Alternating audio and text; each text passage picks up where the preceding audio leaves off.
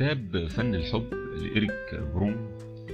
بيبدأ الكاتب بإنه بيعرض فكرة أساسية هي إن مشكلة الحب إن معظم الناس بيشوفوا إن الحب سهل لكن الصعب إن الواحد يكون محبوب. فهم مش بيركزوا في طريقة الحب نفسها ولكن هم بيركزوا في إن هم يكونوا هم محبوبين وبالتالي بيحبوا يقدموا المميزات اللي عندهم اللي تجعلهم محبوبين. وكأنهم بيقدموا الإغراء الكافي للي قدامهم علشان يحبهم المميزات دي غالبا بتكون إنه يكون إما مقبول وفق النماذج الموضوعه المعروفة مقبول شكلا مقبول علشان خفة دمه مقبول علشان مركزه مقبول علشان شخصيته ثقافته أفكاره وهكذا.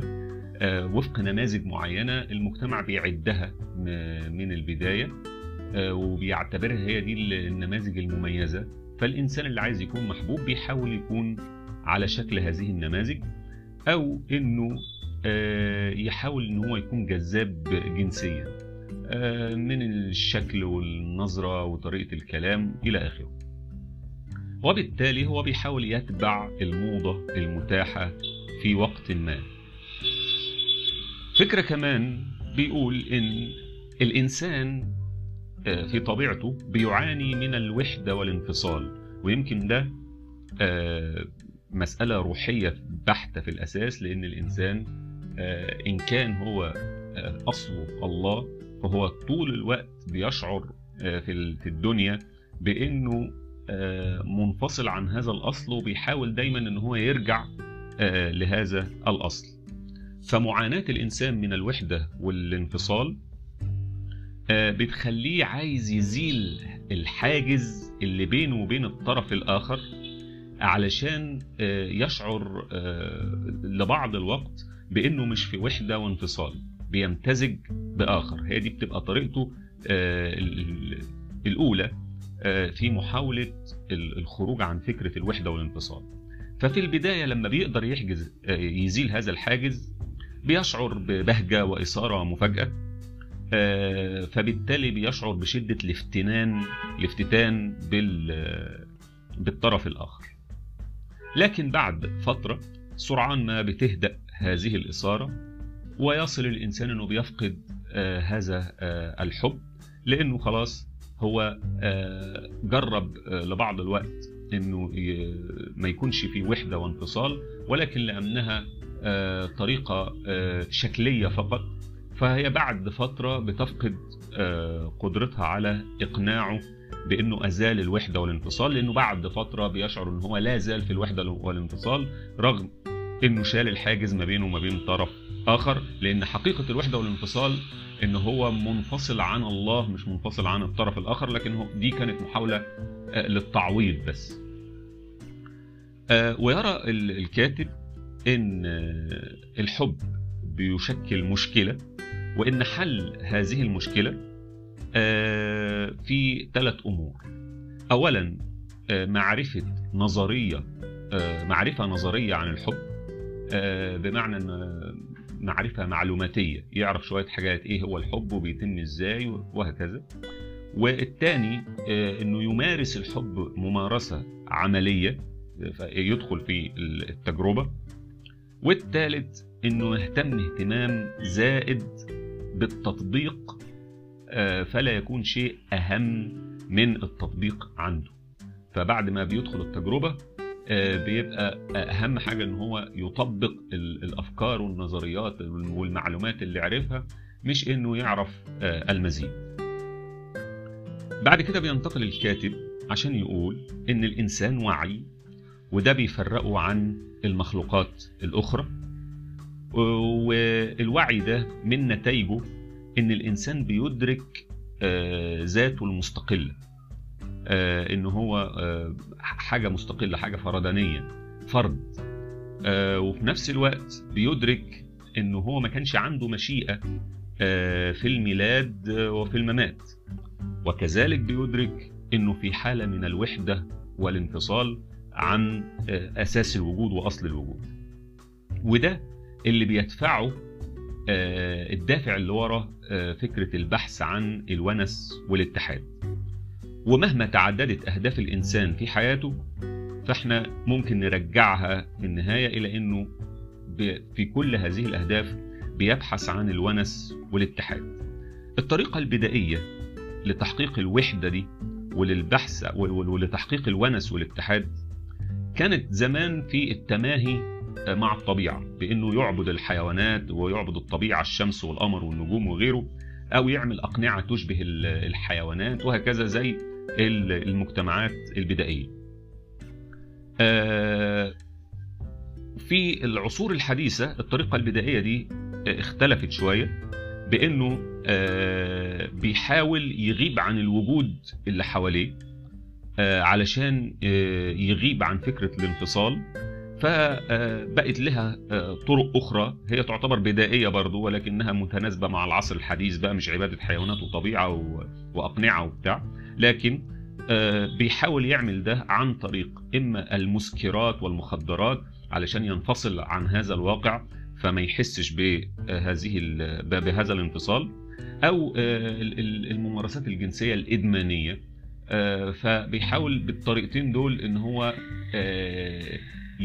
يوقف أفكاره شوية يوقف عقله اللي تعبه. من في في مسألة الوحدة والانفصال ويحس إن هو غاب عن هذا الوجود المنفصل شوية وكأن ده بيحقق له بعض الوحدة. الطريقة الثانية بعد هذه الطريقة البدائية وهي المنتشرة أكتر إنه بيحاول يحقق هذه الوحدة من خلال الانتماء إلى مجموعة مع الامتثال لعاداتها وتقاليدها. فيعتقد معظم الناس إن مواقفهم وأفكارهم نابعه منهم ولكن في الحقيقة هي بتبقى نابعه للمجموعة اللي بينتموا ليها.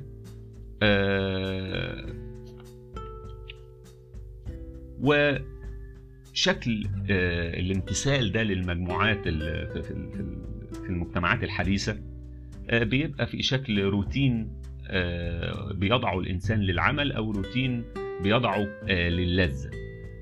فبتبقى كل أنشطة الحياة عبارة عن روتين بحيث إن هو يبقى من المتوقع ما سيفعله الإنسان في كل موقف دون إبداع خاص. هو عارف حياته ماشية بنظام معين بيصحى علشان يروح الشغل هيعمل فيه نفس الحاجات اللي بيعملها كل يوم.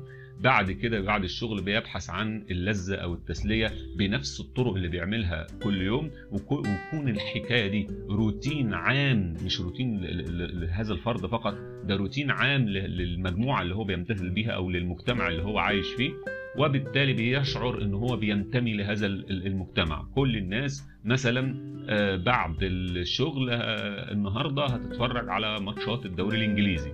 فهو بينتمي ليهم وبيحافظ على هذه المشاهدة. فدي الطريقة الثانية في محاولة كسر فكرة عدم الوحدة والشعور بالانفصال. الطريقة الثالثة لتحقيق هذه الوحدة آه عكس اللي فاتت بقى اللي فاتت ما كانش فيها إبداع كان فيها روتين وتقليد. إنما دي عن طريق النشاط الإبداعي. اللي بيخرج من أعماق الشخص نفسه اللي بيخرج من حقيقته نفسها كأنه يعمل آه فن أو حرفة ويصبح الإنسان متوحد مع هذا آه الإبداع. وده بيشترط إن العمل اللي بيعمله يكون عمل إنتاجي بيبدع فيه شيء. لكن مشكلة هذه الطريقة إنها بيفضل فيها شاعر بوحدته وانفصاله. لأنها ما بتبقاش ما بين شخص وآخر لكن بتبقى ما بين مبدع وإنتاجه. فهنا برضه بيفضل وحيد في الآخر رغم إنه توحد مع الإبداع اللي بيطلعه. كل الطرق السابقة الثلاثة اللي فاتوا هي طرق مؤقتة لمعالجة موضوع الانفصال ومش نهائية ما تخلص فكرة ال ال ال الوحدة والشعور بالوحدة والشعور بالانفصال فالكاتب بيقول إن الوحدة الحقيقية بين الأشخاص لا تكمن إلا في الحب.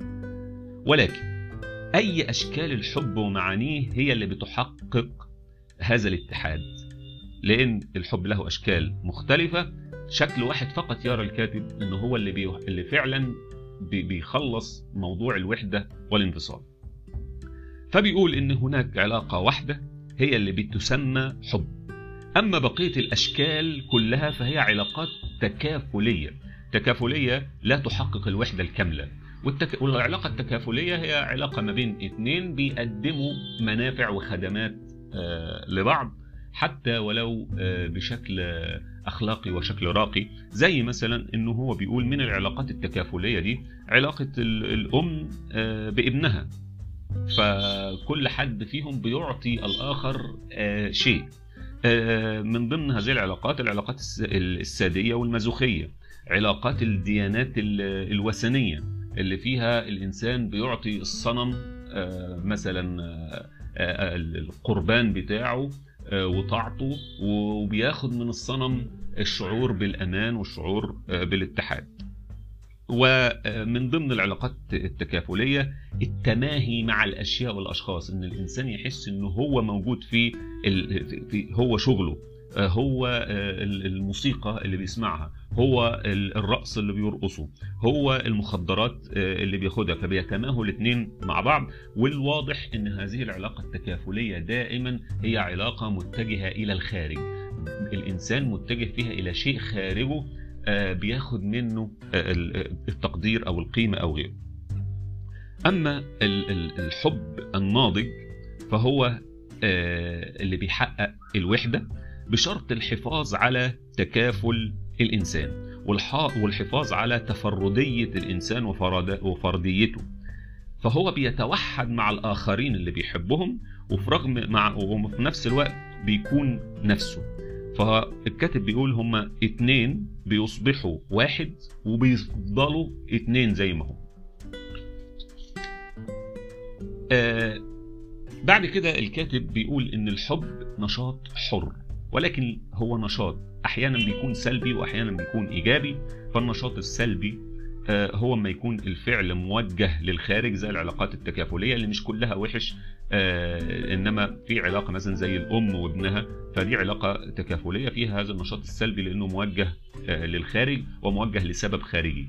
أما النشاط الإيجابي فهو الفعل الموجه للداخل مش للخارج وبالتالي بيشوف, بيشوف الكاتب إن الحب هو عطاء حر عطاء حر حتى من ال ال الاحتياج إلى آه الآخر.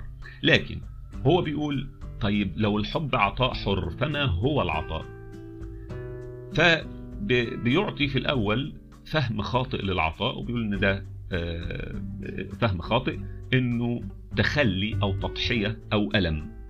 إنما الفهم الصحيح للعطاء إنه العطاء اللي بيملأ النفس بالفرح آه لإنه بيعبر عن اتقاد الإنسان بالحياة ومحبته للحياة.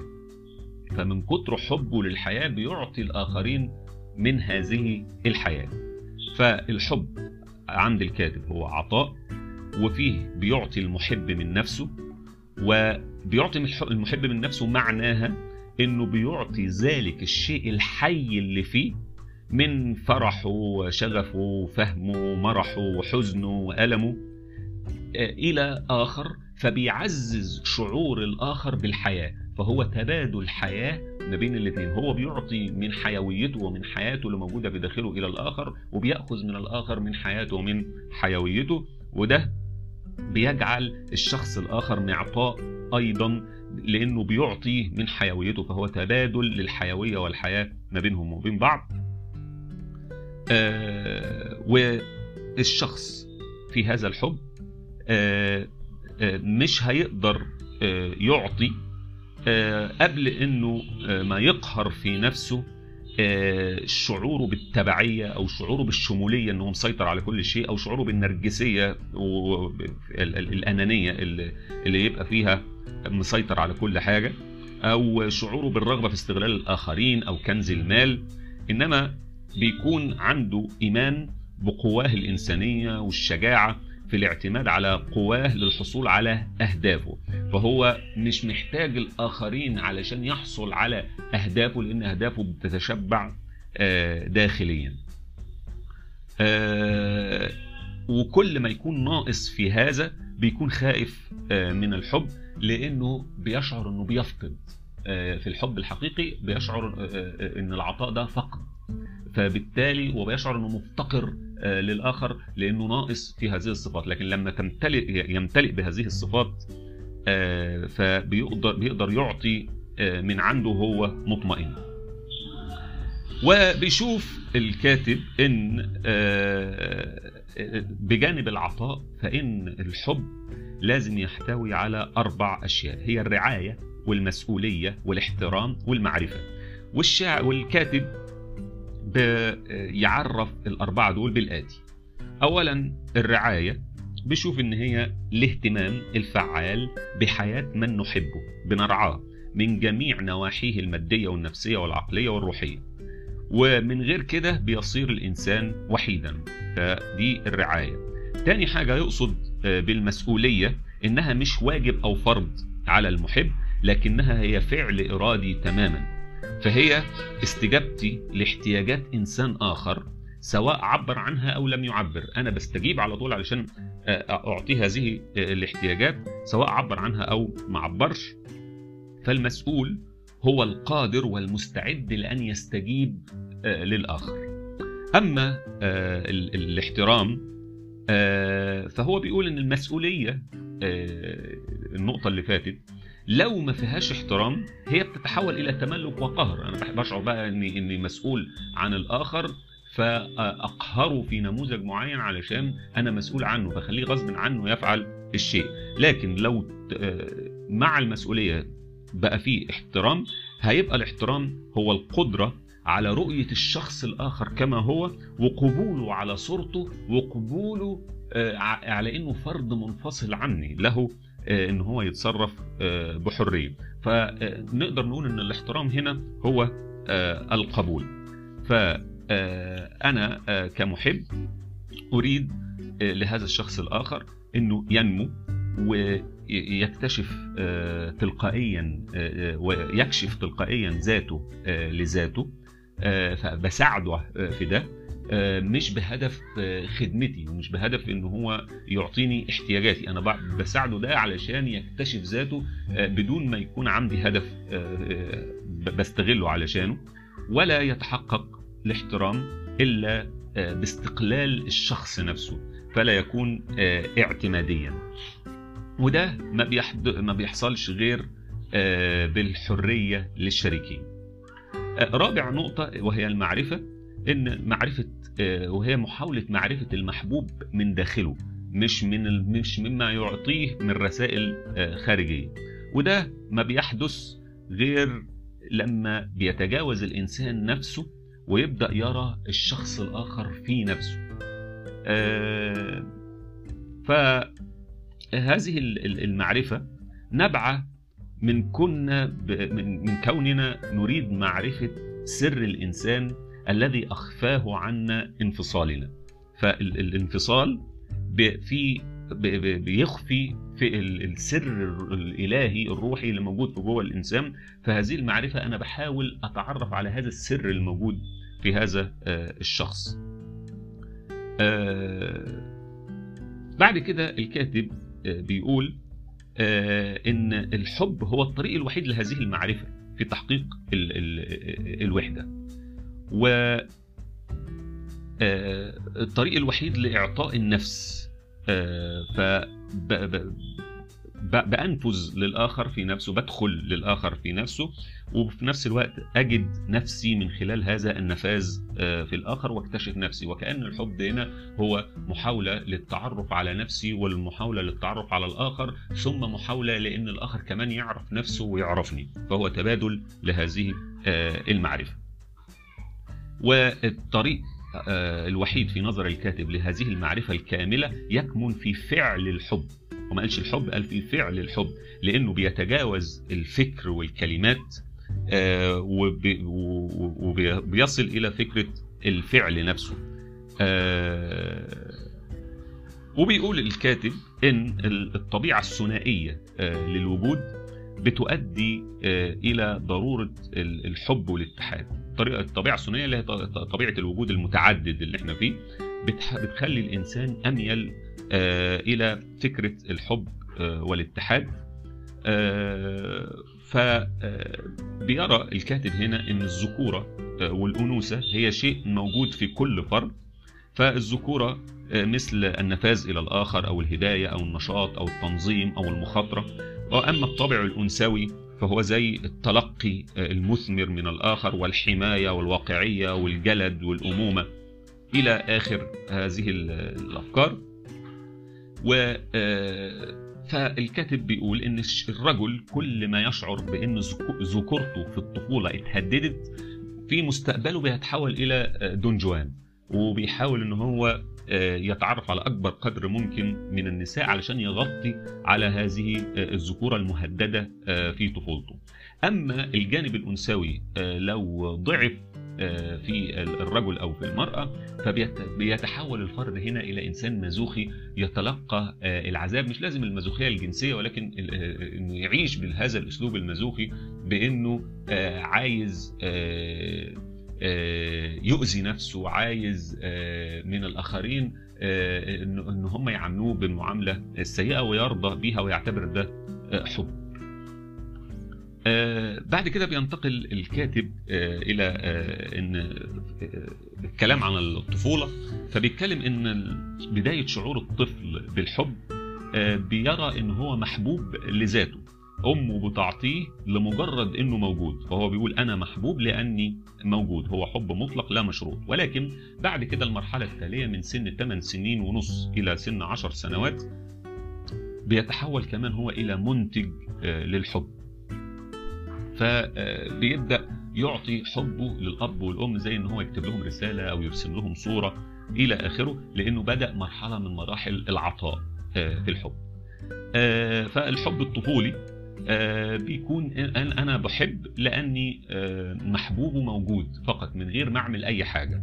آه، والحب غير الناضج آه، ودي جملة مهمة جدا ال- ال- الكاتب آه، قالها بأسلوب جميل. فبيقول الحب غير الناضج هو إني أقول أنا بحبك لأني أحتاج إليك. أنا أحبك لأني أحتاج إليك. فبالتالي ال- الهدف هو ما أحتاجه منك. فأنا بحبك ده كتمن علشان تعطيني ما أحتاجه.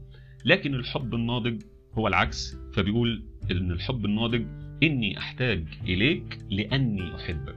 فبالتالي بيكون الهدف هو الحب وبالتالي لأن ال- ال- ال- الهدف هو الحب فبالتالي أنا بحتاج لك لأني أنا بحبك. آه، ومحتاج لوجودك يعني. آه، وبالتالي آه، بيحتاج الإنسان إلى حب الأم علشان يشعر بهذا الحب المطلق اللامشروط وفي نفس الوقت بيحتاج حب الأب علشان يتعلم منه العطاء لأنه بيجد إن الأب هو اللي بيعطي آه، من نفسه إليه. فالكاتب بعد كده بيعرض فكرة إن الإنسان بيصاب بالعصاب أو بالمرض النفسي آه، لما مش بيستطيع تطوير ضميره الأمومي أو ضميره ال- الأبوي الأبوي. اللامشروط والمشروط. فبيهيمن أحدهما على الآخر. فلو ضمير الأم عنده هو اللي طغى آه، عليه فبيصبح إنسان اعتمادي محتاج آه، دايما إلى الآخرين زي ما كان هو جنين ومحتاج لل- لل- للأب. ولو ضمير ال- الأب هو اللي طغى عليه فبيبقى آه، إنسان آه، أناني محتاج دايما آه، ان إن هو آه، يأخذ آه، زي ما كان بيأخذ آه، من الأب. وبيبدأ هنا يبحث آه، في علاقاته آه، العاطفية عن شخص يشبه الأم أو يشبه الأب على حسب النقص اللي موجود آه، عنده. آه، الكاتب بعد كده بيقول إن الحب ليس علاقة بشخص معين آه، ويتوقف الحب عنده ولكن آه، هو آه، اتجاه للشخصية آه، بيح... آه، لشخصية ما بيحدد علاقة شخص بالعالم كله. فحب الحب بينتقل من آه، فحب شخص واحد هو تعلق تكافلي أو أنانية متسعة. فإن الإنسان يقتصر على حب واحد فقط إنسان فرد واحد فقط فده تعلق تكافلي أو أنانية متسعة. فلو كنت بحب شخص واحد حب حقيقي فبالتالي لازم أكون بحب الأشخاص جميعا أو بحب العالم أو بحب الحياة. فعلامة من علامات الحب إن الإنسان لما يحب شخص يشعر معاه إن هو بيحب العالم كله وبيحب الحياة وأصبح منفتح أكثر على آه، الحياة. آه، بعد كده الكاتب آه، بيتكلم عن الحب الجنسي باعتباره رغبة في قهر الانفصال وتحقيق الاتحاد عن طريق انهيار كل الحواجز ما بين اتنين عشان يبقوا واحد وكل منهم يعرف الآخر. ده في بدايته. ولكن مع مرور الوقت بينتهي ما يمكن أن نكتشفه. خلاص اكتشفت الآخر جنسيا بما فيه الكفاية مع آه، تكرار آه، الأمر أكثر من مرة. فما أصبحش هناك أي حواجز ممكن آه، أكتشفها ولكن شعور الانفصال بيفضل موجود فبالتالي الحب الجنسي مش هو الحل آه، فبالتالي بيبدأ يبحث الإنسان عن فرد آخر يمارس معاه هذا الحب الجنسي مرة أخرى علشان يزيل الحواجز مرة أخرى ويصل معاه إلى نفس النتيجة وتفضل دي دايرة آه، متكررة. آه، فالحب ليس مجرد شعور قوي وانفعال كما هو معتاد في بداياته لكنه الكاتب بيقول إنه قرار وحكم ووعد. آه قرار وحكم ووعد. وهو فعل للإرادة والالتزام فهو بينتج عنه آه التزام وأفعال. آه وده بيتطلب صفات معينة في الشريكين آه لتجد الإرادة دافعا لإتمام هذا الوعد وإلا ينحل. فهنا ما بيبقاش الحب ده مشروط لكن هو محتاج صفات معينة ما بين الاثنين تكون متناسقة بحيث إن هذا آه، الحب آه، يجد من الإرادة آه، عند الاثنين إن هم يكملوه وإلا ده بينحل مع الوقت. بعد كده بينتقل الكاتب إلى فكرة معروفة ومنتشرة إنه لا يمكن أن أحب الآخرين قبل أن أحب ذاتي. لأن الحب لا يكمل نقص الإنسان وإنما هو فيض من كمال الإنسان. فبالتالي لما يحب الإنسان ذاته بيبدأ يقدر إن هو يحب الآخرين ولكن طول ما في نقص فهو في الحقيقة هيبقى بيحب ذاته آه، عن طريق آه، الآخرين. آه، وده اللي بيسميه الكاتب الأنانية لأنه بعد كده بيعرف الأناني بأنه في حقيقته إحنا بنعتقد إن الأناني بيحب نفسه عن الآخرين لكن هو بيقول إن الأناني لا يحب نفسه إنما هو يكره نفسه ويفتقد الإعجاب والرعاية آه، بنفسه ولذلك بيبحث عنها عند الآخرين. فيفضل يطلب آه، إن الآخرين يثبتوا له إن هو كويس في حين إن هو كاره نفسه. آه، وعشان كده بي بي بيدي مثل بأن الانس الطفل آه، مش ممكن آه، نقوده إلى الحب والفرح والسعادة وشعوره بأنه يكون محبوب إلا لو حصل من من أم بتحب نفسها وبتحب الحياة فهي اللي هتقدر توصل له هذه الفكرة. فلو الأم بتحب نفسها وبتحب الحياة هي اللي هتقدر تخلي طفلها بيحب الحياة وبيحب نفسه. آه وبعدين بيقول الكاتب إن حب الله آه كباقي أنواع الحب بينشأ من الحاجة إلى قهر الانفصال وتحقيق آه الاتحاد. دي مجموعة من الأفكار اللي الكاتب اتكلم عنها في أول في حوالي ثلث الكتاب الأول.